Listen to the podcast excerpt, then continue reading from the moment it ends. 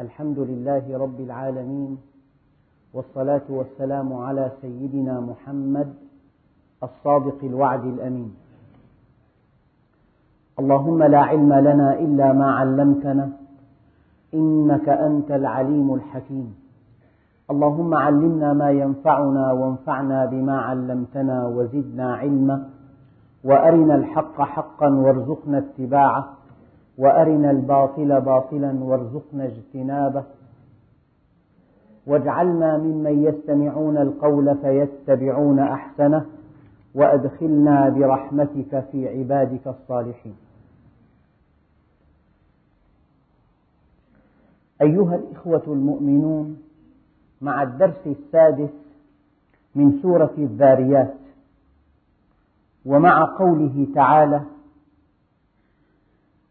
بسم الله الرحمن الرحيم. والسماء بنيناها بأيد وإنا لموسعون. والأرض فرشناها فنعم الماهدون. ومن كل شيء خلقنا زوجين لعلكم تذكرون. ففروا إلى الله إني لكم منه نذير مبين. أيها الإخوة عودة إلى معرض الكون. الكون معرض أسماء الله الحسنى. فإذا أردت أن تعرف الله فالكون أمامك. بسماواته وأرضه. بمخلوقاته. بنباتاته. بخلق الإنسان. الله جل جلاله في هذه الآية يلفت نظرنا إلى الكون والسماء بنيناها بأيد. كلمة بأيد أي بقوة بقوة. الله جل جلاله يتجلى باسم القوي فتكون الجبال الشامخات ويتجلى باسم الجميل فتكون الزهرة الفواحة. وفي كل خلق من مخلوقاته اسم يتجلى أكثر ما يتجلى فيه. فالسماوات بمجراتها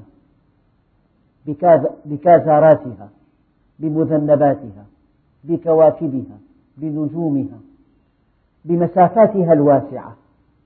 يعني أقرب رقم الكون ينطوي على قريب من مليون مليون مجرة التي عرفت حتى الآن وما أوتيتم من العلم إلا قليلا. ولا يحيطون بشيء من علمه إلا بما شاء. سئل أحد كبار العلماء الذين جاءوا بنظرية النسبية وهي من أعظم النظريات في الفيزياء في هذا العصر. هذا العالم يعد أعلم علماء عصره في الفيزياء وقد اكتشف نظرية النسبية التي تؤكد أن هناك بعدا رابعا وهو بعد الزمن. الأشياء المادية رباعية الأبعاد طول وعرض وارتفاع وزمن. هذا العالم يقول لما سئل عن العلم قال طفل صغير دخل إلى مكتبة كل جدرانها كتب حتى السقف وقف برهة ونظر إلى الكتب وخرج. فماذا أخذ من هذه العلوم؟ هذا هو العلم الحديث كله. هذا أعلم علماء الفيزياء الذي جاء بأعظم نظرية وهي النسبية. لما سئل عن العلم الحديث يعني عما وصل الإنسان إليه من العلم قال طفل دخل إلى مكتبة عامرة بالكتب وقف في بهوها وتأمل في الكتب قليلا وخرج. فماذا أخذ من هذه الكتب؟ ومن هذه العلوم؟ لا شيء. عالم آخر يقول لم تبتل بعد أقدامنا ببحر المعرفة. لا زلنا على الشط. وهذا معنى قوله تعالى وما أوتيتم من العلم إلا قليلا.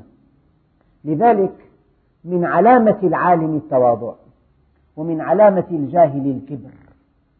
وقد ورد أنه يظل المرء عالما ما طلب العلم. فإذا ظن أنه قد علم فقد جهل. يعني في اللحظة التي تتوهم فيها أنك عالم لا سمح الله فأنت جاهل. لذلك الإنسان دائما يطأطئ رأسه لخالقه. وما أوتيتم من العلم إلا قليلا. يعني أحيانا تقرأ شيء يحير. الغدة الثديية في الحيوانات اللبونة. عبارة عن قبة فوق أوعية دموية. تختار من الدم المواد الطاهرة النقية التي تناسبها. وتصنعه حليبا. التعليق الذي يلفت النظر أنه حتى الآن لا أحد يعلم كيف تعمل هذه الخلية. تأخذ دما فتجعله حليبا. إذا قرأت كتب علمية صحيحة منصفة تجد مثل هذه العبارة كثيرا جدا. لا أحد يعلم حتى الآن كيف يتم ذلك.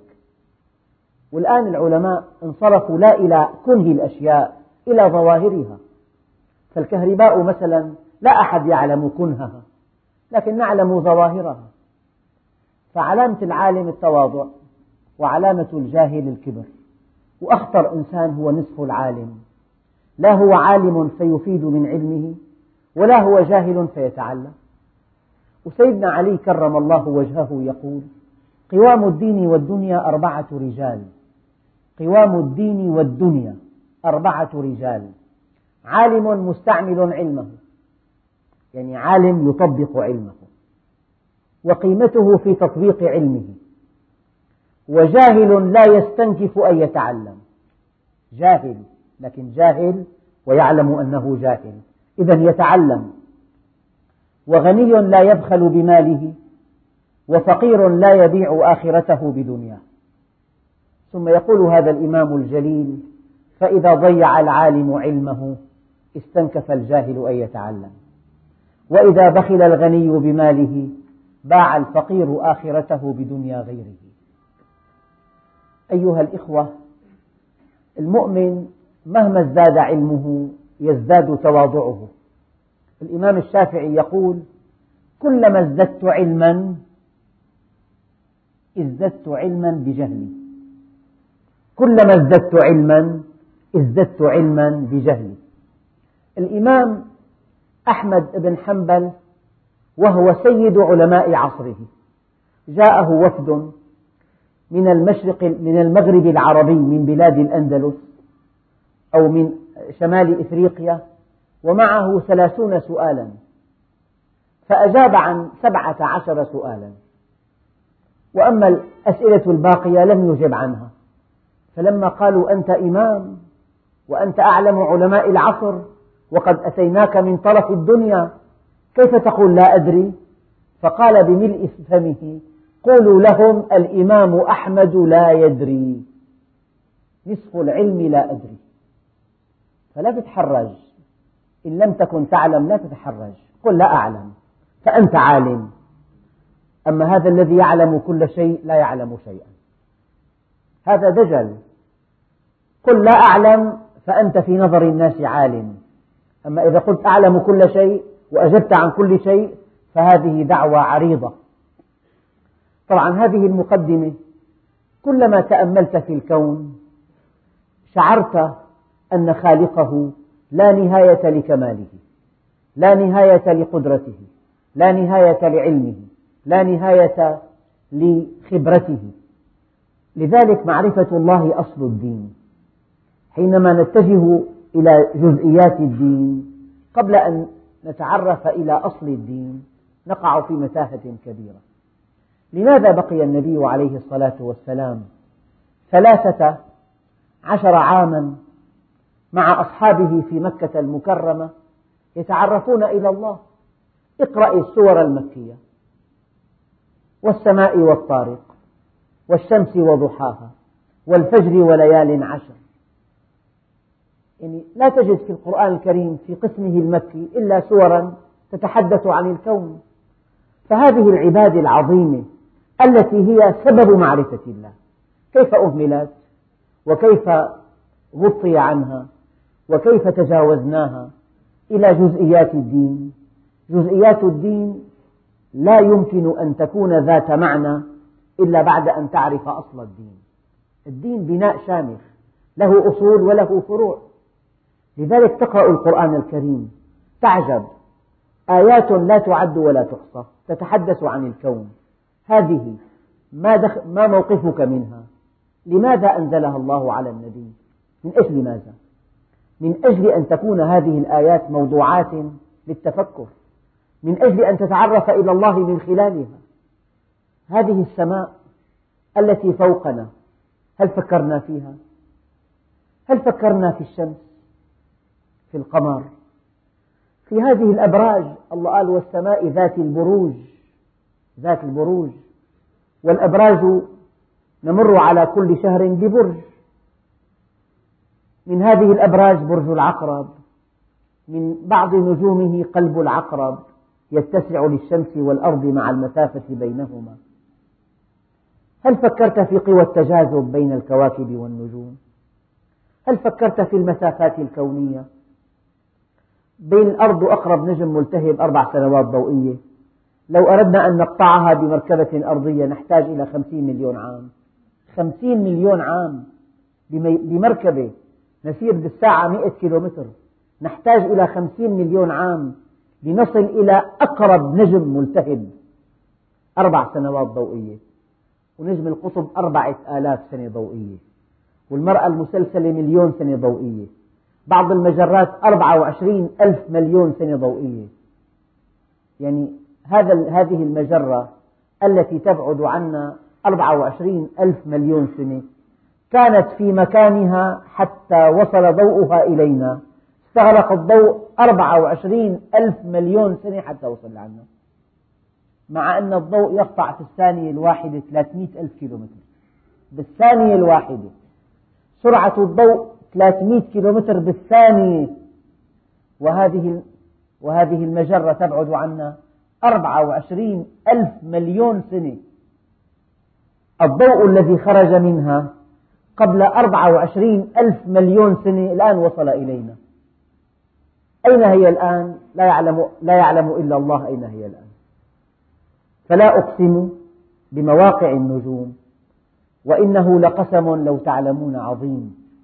دقق في هذا الاعتراض وإنه لقسم عظيم. مقحم جملة وإنه لقسم عظيم. جاءت الآية وإنه لقسم لو تعلمون عظيم. معنى ذلك إنما يخشى الله من عباده العلماء. هذه الشمس هل منا أحد لا يرى الشمس؟ الشمس أكبر من الأرض بمليون وثلاثمئة ألف مرة. يعني جوف الشمس يتسع لمليون وثلاثمئة ألف أرض. والأرض انظر إلى دمشق إلى حلب 360 كيلومتر. سوريا كلها على خارطة معتدلة لا تتسع لكلمة دمشق سوريا كلها.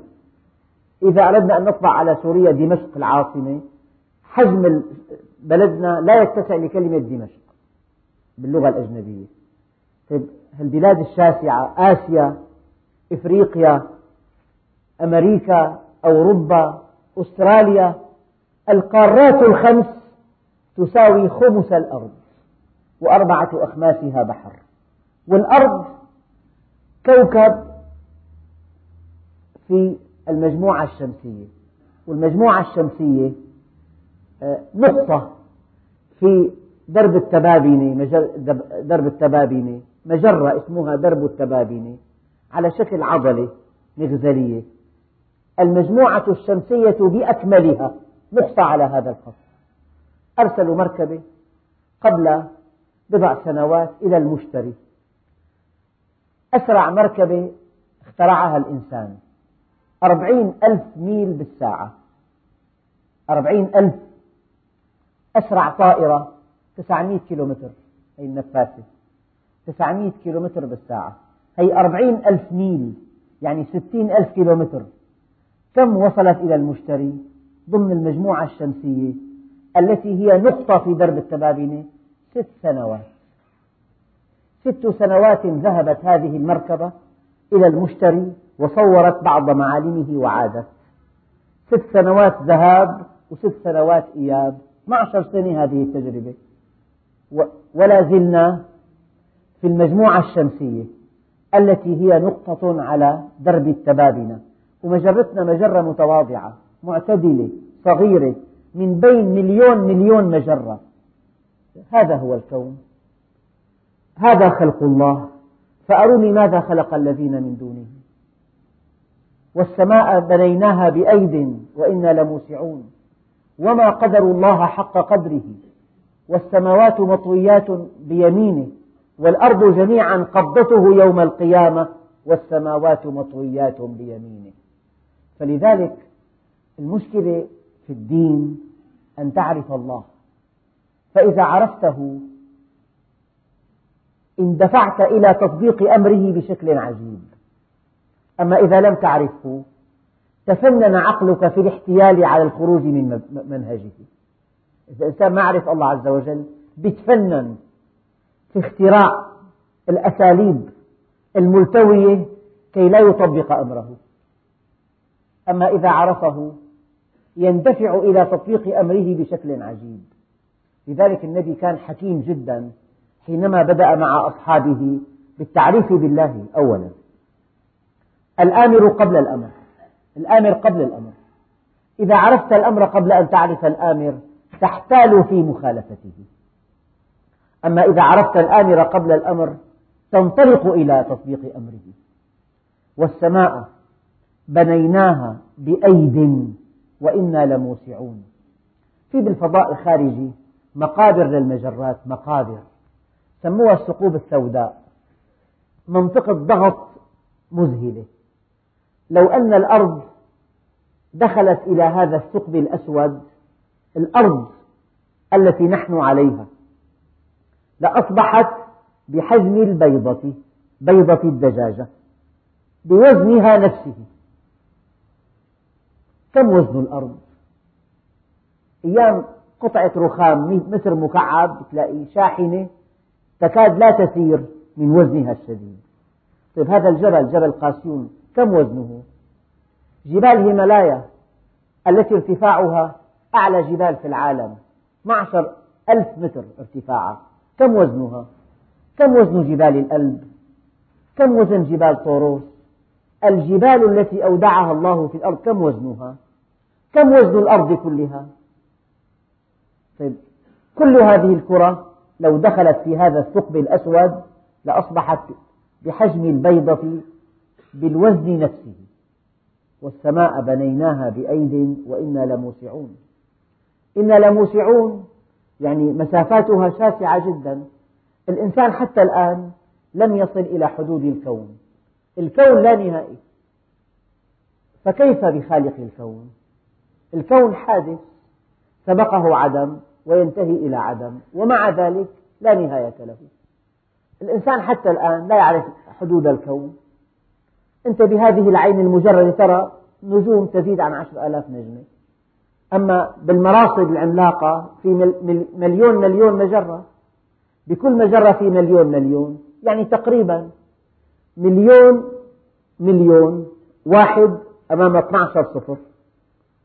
وبكل وحدة في مليون مليون أمام 12 صفر ثانيات يعني واحد أمام 24 صفر. هذا العدد الذي عرفه الإنسان حتى الآن. حتى الآن. فالإنسان لما يتجه لما يفكر بمعصية خالق الكون يجب أن يفكر قبل أن يعصي ربه. من يعصي؟ من يعصي؟ يعني أنت بقطعة عسكرية بيجيك أمر من سبعة. شيء. من ثمانية؟ شيء. من نجمة واحدة مستوى. ثلاث نجمات مستوى. تاج ونجمة مستوى. سيفين مشكلة.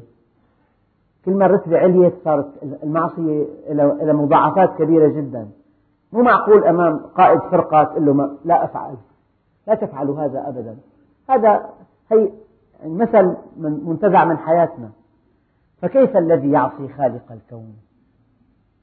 كيف الذي يعصي من بيده ملكوت كل شيء؟ كيف من يعصي؟ من إذا قال لشيء كن فيكون. من؟ يعني تصور آه، الآن آه، ساووا طريق تحت قناة السويس. الرقم فلكي يعني الرقم فلكي حتى ما تنعاد المأساة المرة. طريق تحت القناة. وصلوا مصر بسيناء. كلف يعني ألوف الملايين. طيب سيدنا موسى ضرب البحر بعصاه فإذا هو طريق يابس فوق البحر. كن فيكون. لو أن أولكم وآخركم وإنسكم وجنكم وقفوا على صعيد واحد وسألني كل واحد منكم مسألة ما نقص ذلك في ملكي؟ إلا كما ينقص المخيط إذا غمس في مياه البحر. ذلك لأن عطائي كلام وأخذي كلام. فمن وجد خيرا فليحمد الله. ومن وجد غير ذلك فلا يلومن إلا نفسه. أيام يشتد الحر لك المكيف حقه مئة ألف مئة ألف ليرة. مصروفه رقم كبير. تهب نسمات عليلة من خلق ربنا من صنع ربنا تلغي كل المكيفات.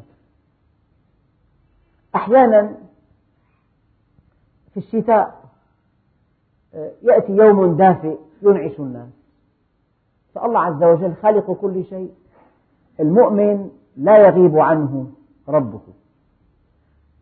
الله جل جلاله في كل شيء خلقه آية تدل عليه.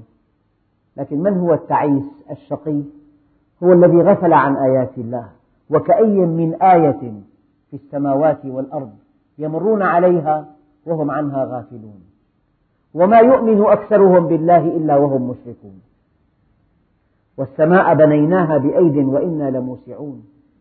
الشمس لسان اللهب الذي يخرج من الشمس يقترب من مليون كيلومتر. مليون كيلومتر. حرارة الشمس في سطحها ستة آلاف درجة. وفي مركزها عشرين مليون درجة. لو أن الأرض ألقيت فيها لتبخرت في ثانية واحدة. الأرض كلها. بصخورها وجبالها وقاراتها وبحارها تبخرت في ثانية واحدة هذه الشمس التي تتقد منذ خمسة آلاف مليون سنة والعلماء طمأنون الحمد لله كمان سوف, تت... سوف يستمر اتقادها لخمسة آلاف مليون سنة قادمة طيب الطاقة من أين؟ من أين الطاقة؟ أنت تشعل مدفأة بعد خمس ساعات الخزان يصبح فارغا ما في شيء يعطيك حرارة إلا بده طاقة الشمس تعطي الضياء وتعطي الدفء وتعطي مصدر الطاقة في الأرض الشمس من أين جاءت بهذه الطاقة؟ من يمدها بهذه الطاقة؟ لو أن الشمس انطفأت لأصبحت الأرض قبرا جليديا ولانتهت الحياة الأرض إذا انطفأت الشمس تصبح حرارتها 270 تحت الصفر وهو الصفر المطلق الذي تنعدم فيه حركة الذرة. الذرة تتحرك إلكتروناتها حول نواة لو أن الذرة بلغت الصفر المطلق انعدمت حركتها وإذا انعدمت حركتها زال كل شيء. لذلك قال الله تعالى إن الله يمسك السماوات والأرض أن تزولا. ولئن زالتا إن أمسكهما من أحد من بعده. هذه الآية من أدق الآيات. لو أن الشمس لو أن الأرض زالت ما معنى وقت الزوال؟ يعني وقت الظهيرة. حينما تزول الشمس عن كبد السماء أي حينما تنحرف. الزوال الانحراف. المعنى الأول. إن الله يمسك السماوات والأرض أن تزولا يعني الأرض تسير حول الشمس في مسار. لو أن الأرض خرجت من مسارها فابتعدت عن الشمس. أصبحت قبرا جليديا. وصلت إلى الصفر المطلق. توقفت ذراتها عن الحركة انعدم وجودها. فهناك زوالان. زوال الانحراف وزوال التلاشي. لو أنها زالت لزالت. لو أنها زالت عن مسارها لزالت. لانعدمت. لو أن الأرض توقفت عن الحركة. السطح المقابل للشمس حرارته 350 درجة. هل يعاش بهذه الأرض؟ نحن على 45 ما نتحمل يعني إذا كان سمعنا أربعين بالشام يقول لك جهنم. أربعين. لو أن الأرض ثبتت لكان وجهها المقابل للشمس حرارته 350 درجة والوجه الآخر 270 تحت الصفر. طيب لو أن الأرض خرجت عن مسارها وأردنا أن نعيدها إلى مسارها فرضا فرض علمي. قال نحتاج إلى مليون مليون حبل فولاذي. قطر الحبل خمس أمتار. قوة شد الحبل مليونين طن. يعني الأرض مربوطة بالشمس بمليون مليون ضرب مليونين طن.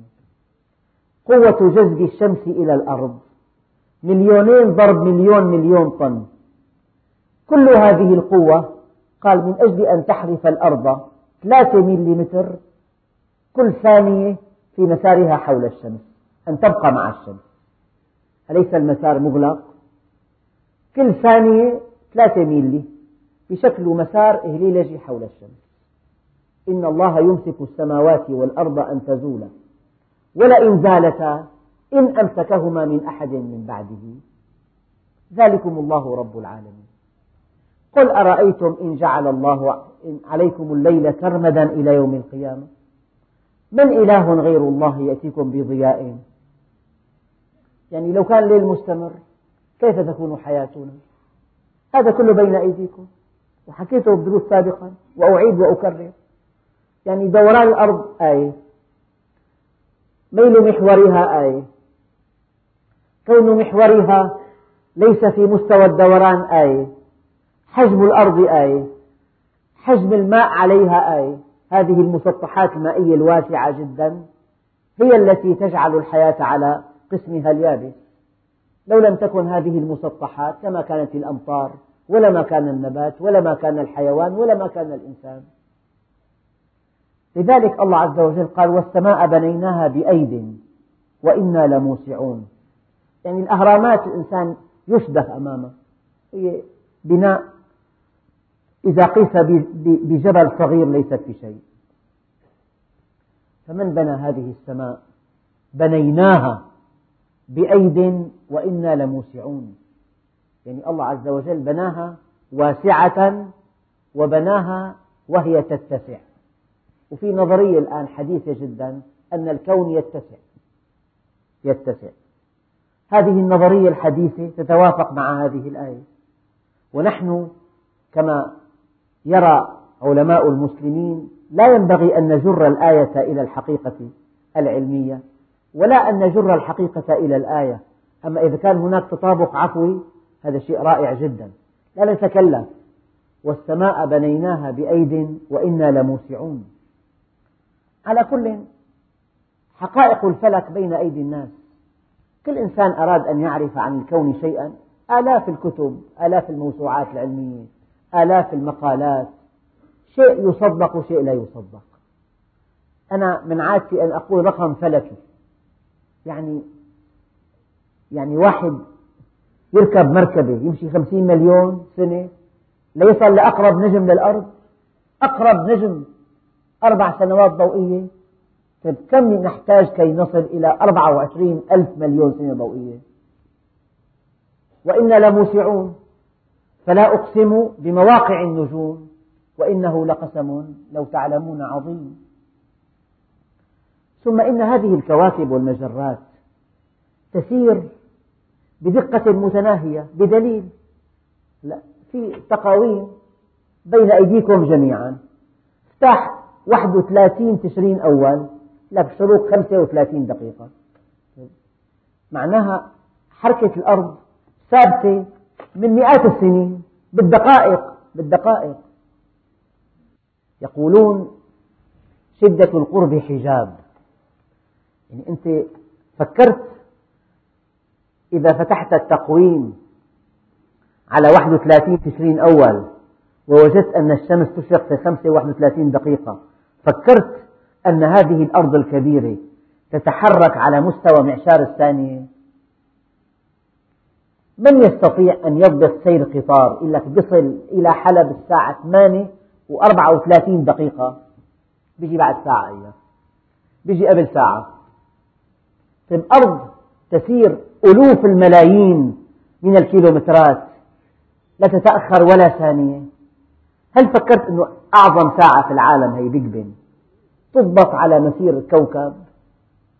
لك السنة متقدمة أربع ثواني بالسنة كلها. طيب على أي معيار تقاس؟ على الكوكب. الكوكب لا يزيد ولا ينقص. طيب هذه الدقة المتناهية في الحركة. من صنع من؟ طيب شيء آخر. ائتي بكتلتين مغناطيسيتين بحجمين متساويين ضعهما على طاولة. وأتي بكرة معدنية. اجعلهما بين الكتلتين بحيث لا تنجذب لا إلى هذه ولا إلى تلك. أعتقد عملية شبه مستحيلة أنه لو انحرفت واحد بالألف من الميلي جذبت إلى هذه أو إلى هذه.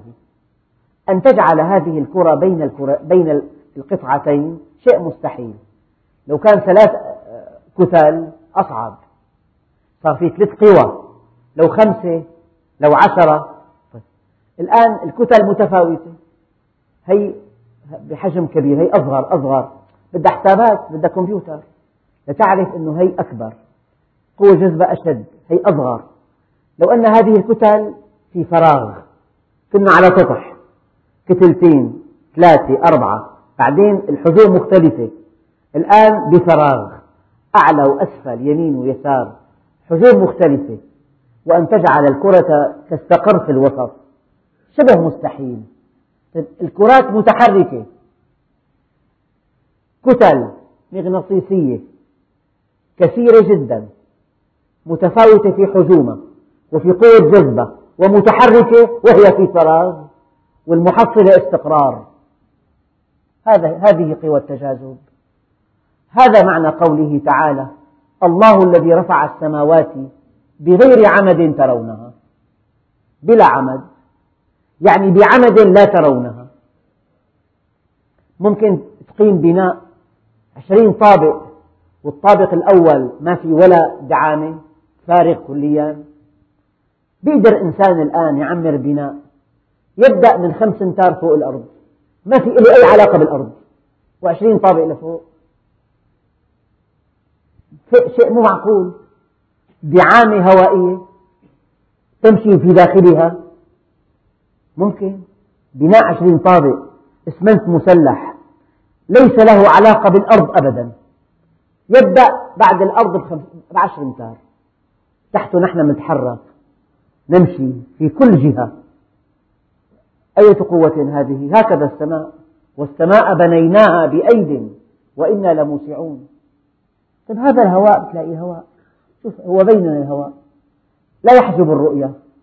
ينقل الصوت. لطيف. هذا الهواء يحمل طائرات. بعض الطائرات وزنها 350 طن. 350 طن.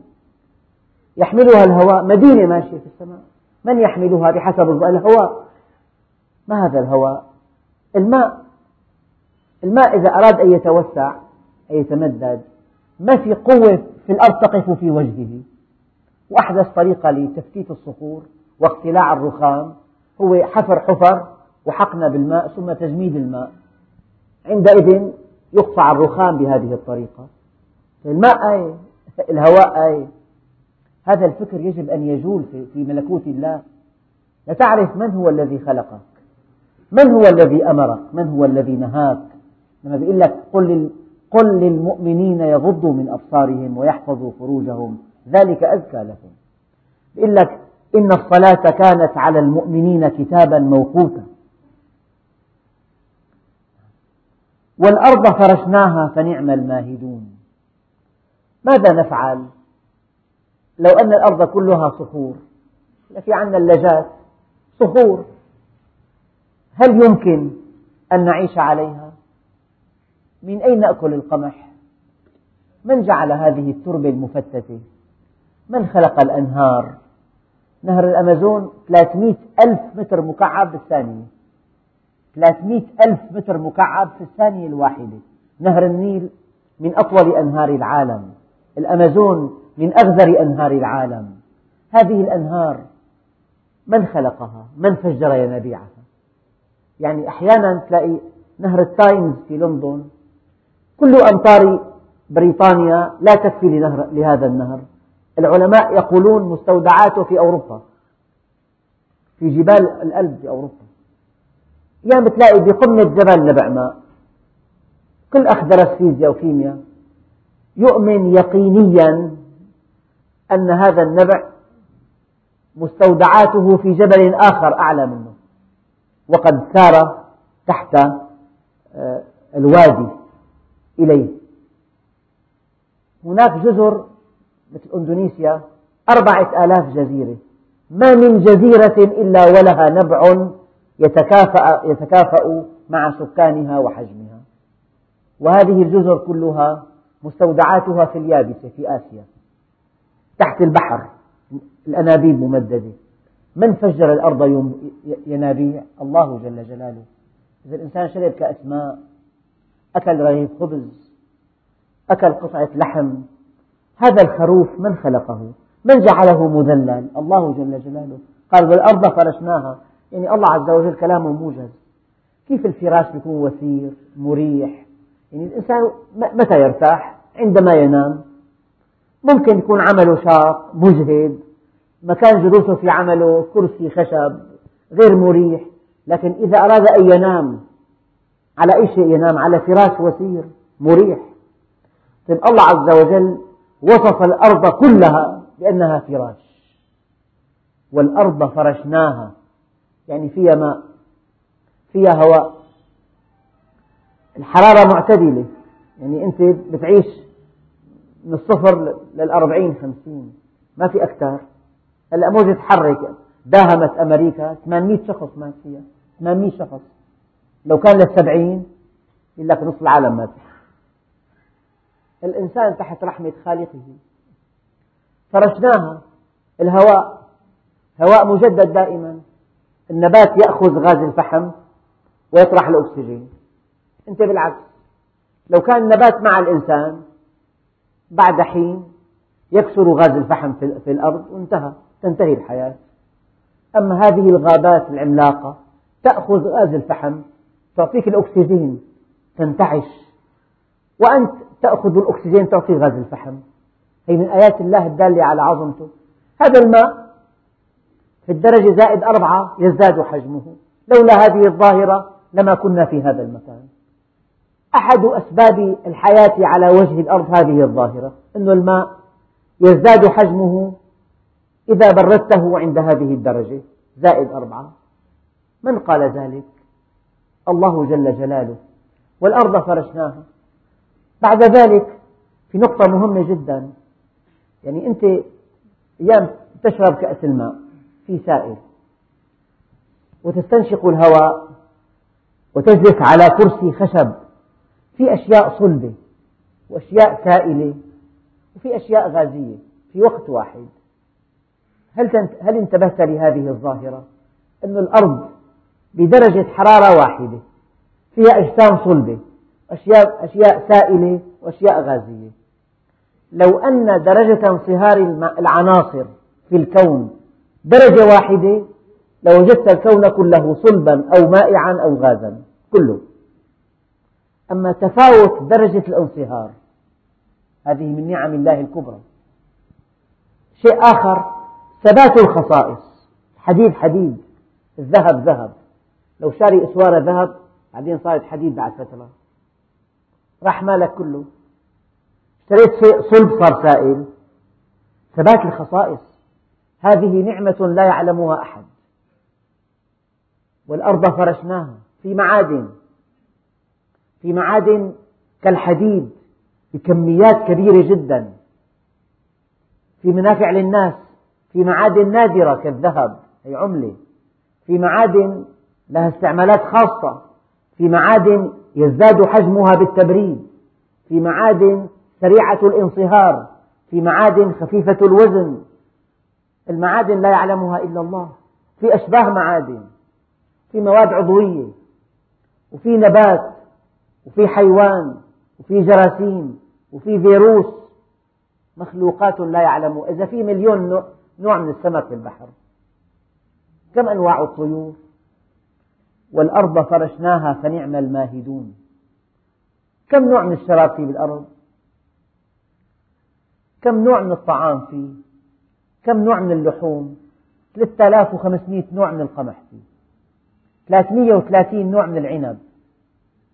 لو سألت المهندسين الزراعيين عن أنواع الفواكه وكل نوع متفاوت الأنواع متفاوتة في الحجم والشكل والقساوة والماء والنسيج اللحمي والاستعمال هذا للتصدير وهذا للاستعمال وهذا للعصر. أنواع منوعة من الفواكه والثمار والخضروات وخصائص لا يعلمها إلا الله. والله لا ليس في الإمكان أن أذكر كل شيء. أختار موضوعات سريعة والأرض فرشناها. فنعم الماهدون. ومن كل شيء خلقنا زوجين لعلكم تذكرون. ومن كل شيء خلقنا زوجين. حقيقة وقت نزول الرسالة المحمدية أناس كثيرون لا يعلمون أن الحيوانات أزواج. الآن ثبت أن كل شيء مؤلف من زوجين. حتى الذرة. فيها شحنات موجبة شحنات سالبة هي إشارة قبل 1500 عام. هذا الشيء عرف حديثا. حتى الذرة حتى الجسم الصلب الذي تتوهمه نوعا واحدا. ذكر وأنثى شحنة موجبة وشحنة سالبة النواة لها شحنة والكهارب لها شحنة. هذا موضوع طويل لا مجال للخوض في تفاصيله. ومن كل شيء النبات زوجي الحيوان الإنسان الجماد. ومن كل شيء خلقنا زوجين لعلكم تذكرون. طبعا علماء التفسير في العصور السابقة قالوا سماء وأرض نور ظلام جبل ووادي رأس وخليج يعني الأعمق من ذلك حتى المادة حتى النوع الواحد. ومن كل شيء خلقنا زوجين حتى الذرة الواحدة. شحنة النواة موجبة الكهارب سالبة أو العكس. ومن كل شيء خلقنا زوجين لعلكم تذكرون. المحصلة النتيجة ما العمل؟ قال ففروا إلى الله. ففروا إلى الله. تركيب رائع. الدنيا تشدك إليها. مالها طعامها شرابها نساؤها. أن تفر منها إلى الله تحرر منها وإلا مثله كمثل الكلب إن تحمل عليه يلهث وإن تتركه يلهث أخلد إلى الأرض واتبع هواه. ففروا إلى الله إني لكم منه نذير مبين. معنى فروا أولا تحرروا من قيود الأرض. من شهوات الأرض من نزوات الأرض من مطالب الجسد. تحرروا من مصالحكم المادية هي كلها كلاليب تشد إلى الأرض. فالفرار يحتاج إلى انعتاق. ثم انطلقوا بسرعة إلى الله. معنيان. معنى الأول تحرروا من كل قيد أرضي. آثروا معرفة الله مرضاة الله. آثروا الآخرة على الدنيا. فر من الشيء يعني في شيء مخيف يتبعه. كلمة فر منه شيء مخيف وشيء قوي. فهذه الشهوات والغرائز والميول والمصالح الأرض بأموالها ونسائها ومتعها مباهجها ملهياتها وما أكثرها الآن.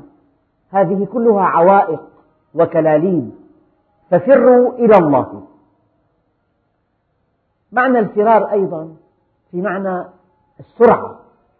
يعني يا أيها الذين آمنوا اتقوا الله حق تقاته ولا تموتن إلا وأنتم مسلمون وجاهدوا في الله حق جهاده. لذلك المؤمن ينطلق إلى الله بسرعة كبيرة لأن الوقت أثمن شيء بحياته الوقت والوقت كالسيف إن لم تقطعه قطعك. إني لكم منه نذير مبين. إني لكم منه نذير مبين. من الله عز وجل. ولا تجعلوا مع الله إلها آخر إني لكم منه نذير مبين. يعني التوحيد هو الدين كله وما تعلمت العبيد أفضل من التوحيد. كل شيء مع التوحيد يحل أما مع الشرك لا يحل شيء. يعني أنت باتجاه مكان لك فيه عطاء كبير وأنت في طريقك إليه ارتكبت آلاف الأغلاط. لكنك في الطريق إليه. أما إذا اتجهت عكس الجهة لذلك ولا تجعلوا مع الله إلها آخر إني لكم منه نذير مبين. كذلك ما أتى الذين من قبلهم من رسول إلا قالوا ساحر أو مجنون أتواصوا به بل هم قوم طاغون فتول عنهم فما أنت بملوم. وذكر فإن الذكرى تنفع المؤمنين. وفي الدرس القادم إن شاء الله نقف مع هذه الآيات وقفة متأنية. الآيات اليوم والسماء بنيناها بأيد وإنا لموسعون والأرض فرشناها فنعم الماهدون ومن كل شيء خلقنا زوجين لعلكم تذكرون. محصلة هذا التأمل في الكون ففروا إلى الله إني لكم منه نذير مبين. يعني هذا التأمل والتفكر والجولان في عظمة خالق الكون محصلتها أن تنطلق إلى الله عز وجل أن تفر من قيود الأرض من شهوات الأرض من مصالح الدنيا إلى الله. فأنت بحاجة إلى جهدين إلى جهد في التفلت لكيف المركبات الأرضية الفضائية. هناك سرعة إن لم تصل إليها لا تتفلت من جاذبية الأرض. الأرض لها جاذبية. مركبات الفضاء طبعا كل المحركات لا تقوى على التفلت من جاذبية الأرض. إذا اخترعوا الوقود السائل. الوقود السائل يعطي آه، فعل معاكس يشعل هذا الوقود السائل بكميات كبيرة وعندئذ تنطلق المركبة وعليها الكبسولة آه، مكان رواد الفضاء بسرعة يمكن أن تتفلت من جاذبية الأرض. وكل إنسان في شيء يجذبه إلى الأرض. إن لم تكن سرعته إلى الله بحد أدنى لا يتفلت من جاذبية الأرض. إذا تفلت من جاذبية الأرض عرج إلى السماء. إذا هو محتاج إلى قوة انعتاق من أجل التفلت من جاذبية الأرض ومحتاج أن ينطلق إلى الله بسرعة كبيرة لأنه يسابق الزمن. الزمن هو رأس مالك الوحيد.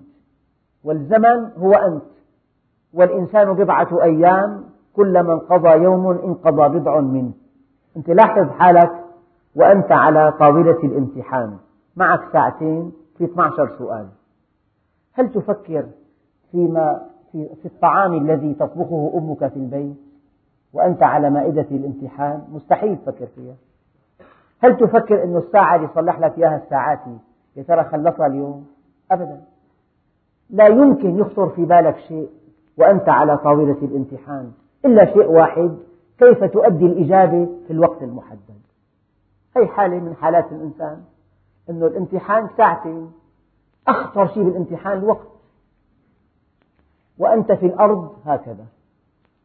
فيجب أن تفكر في ساعة لقاء الله عز وجل. ماذا أعددت لهذه الساعة؟ ماذا أعددت من عمل من استقامة من طلب علم من تعليم من خدمة من أمر بالمعروف من نهي عن المنكر؟ ماذا أعددت؟ يا بشر لا صدقة ولا صيام ولا جهاد فبما تلقى الله إذا هذا السؤال يجب أن يكون هاجس كل واحد منا. كيف ألقى الله؟ ما العمل الذي بين يدي إذا لقيت ربي؟ يا رب أنا عملت جبصين للبيت. يا الله يعطيك العافية. نحن بدنا شيء للآخرة. بدنا شيء يبدأ بعد الموت. يبدأ بعد الموت. أما كل شيء ينتهي عند مع الموت لا لا تعبأ به. هذا للدنيا. سيدنا أبو عبيدة الجراح أمين هذه الأمة. كان قائد جيوش المسلمين في الشام. دخلوا إلى بيته وجدوا وجدوا. جلد غزال يجلس عليه وقدر ماء مغطى برغيف خبز وسيف معلق على الحائط. فقالوا ما هذا؟ يا أبا عبيدة. قال هو للدنيا وعلى الدنيا كثير. ألا يبلغنا المقيل ما دخلت لشي تعزية وبيت فخم 400 متر وصاحبه بباب صغير قاعد ما صار معك شيء هذا؟ عشرات المرات فوت لبيت يأخذ بالألباب. تزيينات أبهاء واسعة أبواب متحركة شرف كل شيء جميل. وين صاحبه؟ في قبر. وهذا مصير كل إنسان. كائنا من كان. وهذا هو المقر الأخير. فلذلك ففروا إلى الله. تتحرر من جاذبية الأرض. أنت بحاجة إلى سرعة معينة كي تتفلت من جاذبية الأرض. هذه السرعة لها وظيفتان. تفلتت بها من جاذبية الأرض وانطلقت بها إلى الله. في الوقت نفسه. أي معنى؟ ففروا إلى الله. يعني راكد ركيد يعني مرة واحد سألني مداعبا قال يعني دعوتك شو ملخصها؟ قلت له كلمتين. يا بتجي ركض يا بجيبك ركض نقي وحدة إما أن تأتيه مسرعا أو أن يأتي بك مسرعا. الله عز وجل يعرف كيف يداوي فانطلق إليه طواعية. انطلق إليه وأنت صحيح. انطلق إليه وأنت غني. انطلق إليه وأنت آمن. انطلق إليه وأنت في بيتك معزز مكرم. قم فصل. اذكر الله. اقرأ القرآن. احضر مجلس العلم. تعرف إلى كتاب الله. تعرف إلى سنة رسول الله. وأنت صحيح. أما الإنسان لما يقترب أجله بينتهي تنتهي كل شهواته. الآن بده يتوب. واحد ترك 800 مليون من الحرام وهو على فراش الموت. استدعى أحد العلماء. طبعا أصابه ألم يمكن أنساه حليب أمه. قال له ماذا أعمل هذا العالم ما جامله. قال له والله لو أنفقت كل هذه الثروة الآن لا تنجو من عذاب الله.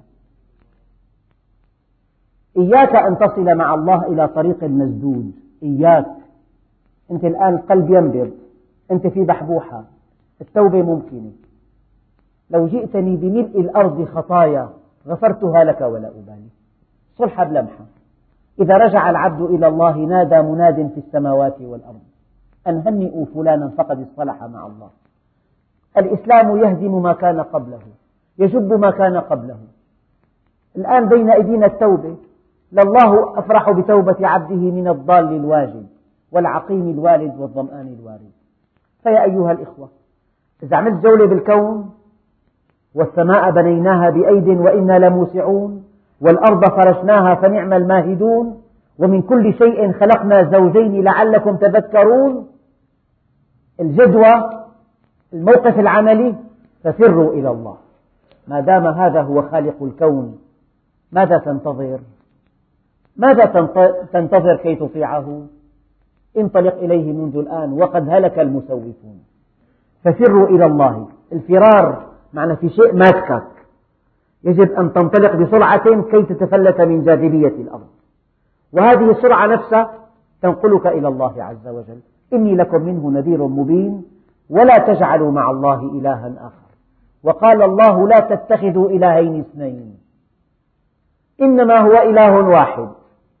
يعني الذي أمرك أن تعبده بيده كل شيء. والآمر ضامن أكثر الجهلة يقول لك إذا فعلت هيك بعدين بخسر مكانتي بخسر منصبي بخسر تجارتي أنا عايش من هالشغلة هي. وين الله عز وجل؟ الآمر ضامن وما أمرك أن تعبده إلا بعد أن طمأنك أن الأمر كله بيده إليه يرجع الأمر كله فاعبده وتوكل عليه. والحمد لله رب العالمين.